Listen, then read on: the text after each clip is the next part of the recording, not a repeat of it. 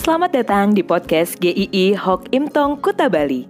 Penginjil Ray Reginaldi akan membagikan renungan harian singkat untuk membawa Anda mengenal dan menyembah Tuhan Yesus, bertumbuh dan menjadi murid Kristus, serta berdampak untuk banyak orang. Jika Anda merasa diberkati melalui renungan ini, silahkan bagikan podcast ini agar orang lain juga diberkati. Inilah renungan hari ini.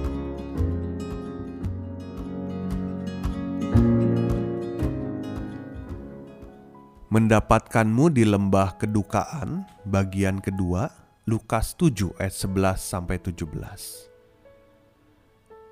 Joseph Bailey, seorang hamba Tuhan yang kehilangan anaknya yang terkasih mengatakan, Kematian adalah pencuri yang kejam ketika menyerang kaum muda. Kematian pada masa kanak-kanak begitu sulit ditanggung orang tua ini adalah beban yang ditakuti orang tua. Pasti itu juga yang dirasakan oleh janda Nain saat anak tunggalnya tidak bernyawa lagi. Kedukaan bukan dari orang jauh, tetapi orang dekat darah dagingnya. Anak yang dikandung, dilahirkannya, dirawatnya dari kecil. Pasti banyak memori yang indah bersama anak ini. Dia anak tunggal. Anak itu pasti jadi sahabatnya, anggota keluarganya yang terdekat, harapannya juga. Kita tidak tahu apa penyebab kematian anak muda ini, tetapi kehilangan anak, apalagi anak tunggal, itu sebuah kehilangan yang tidak bisa dilukiskan dengan sederhana. Hatinya hancur berkeping-keping Perjalanan yang sedang ditempuh oleh janda itu adalah perjalanan perpisahan. Dia mengantarkan putra kesayangannya untuk terakhir kalinya dan tidak akan pernah melihatnya lagi. Dan dia akan menjalani hari-harinya dengan kekosongan yang besar, penuh kesepian dalam kedukaan. Tapi dalam perjalanan untuk menguburkan anaknya itu, tanpa disangka Tuhan Yesus menghampiri janda ini, mengucapkan kata-kata yang singkat. Jangan menangis. Mungkin orang-orang yang mendengarnya ada yang protes dalam hatinya. Apa orang ini nggak ngerti perasaan orang lain? Wajarlah anak tunggalnya meninggal, dia menangis. Masa sekarang dikatakan jangan menangis? Mungkin ibu itu juga kebingungan mendengarnya. Dia hanya terdiam, dia menatap saja. Tuhan Yesus bukan melarang seseorang menangis ketika sedang berduka. Namun di saat beliau sedang berbicara dengan janda ini jangan menangis. Artinya karena kehadiran Tuhan Yesus itulah yang membedakannya. Kehadiran Tuhan Yesuslah yang dapat menghapuskan air mata dari janda ini. Jika Tuhan Yesus hanya bicara saja jangan menangis, dan tidak sanggup melakukan apa pun, dia jelas keterlaluan. Cara menghiburkan Tuhan Yesus berbeda dengan cara dunia ini.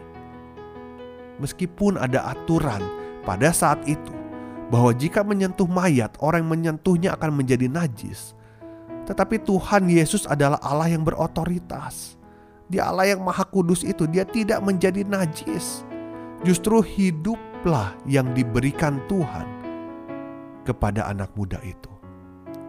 Tuhan Yesus menyentuhnya dan secara mengejutkan berbicara kepada tubuh yang sudah terbujur kaku itu.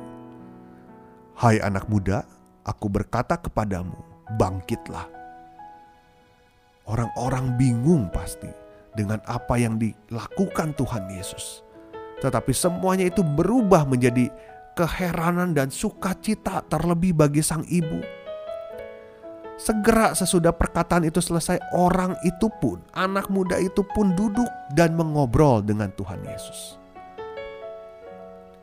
Banyak orang memandang kematian adalah akhir dari semuanya.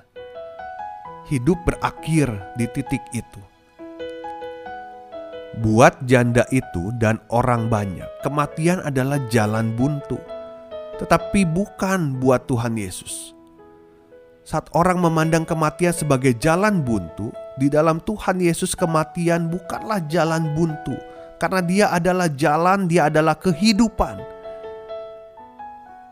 Memang berat ketika kita kehilangan orang yang kita kasih, pasti sangat berat.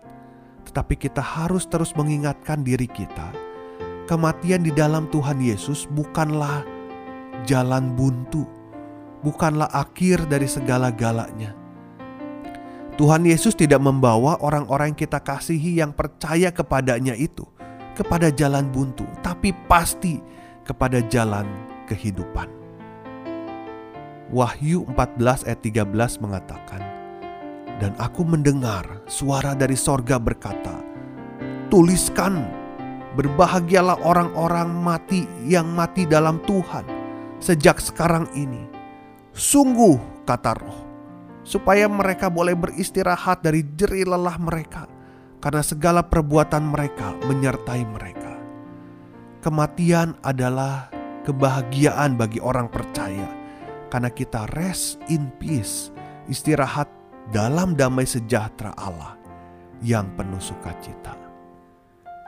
Kita akan berjumpa di bagian terakhir dari seri renungan ini. Sampai jumpa esok hari, Tuhan memberkati.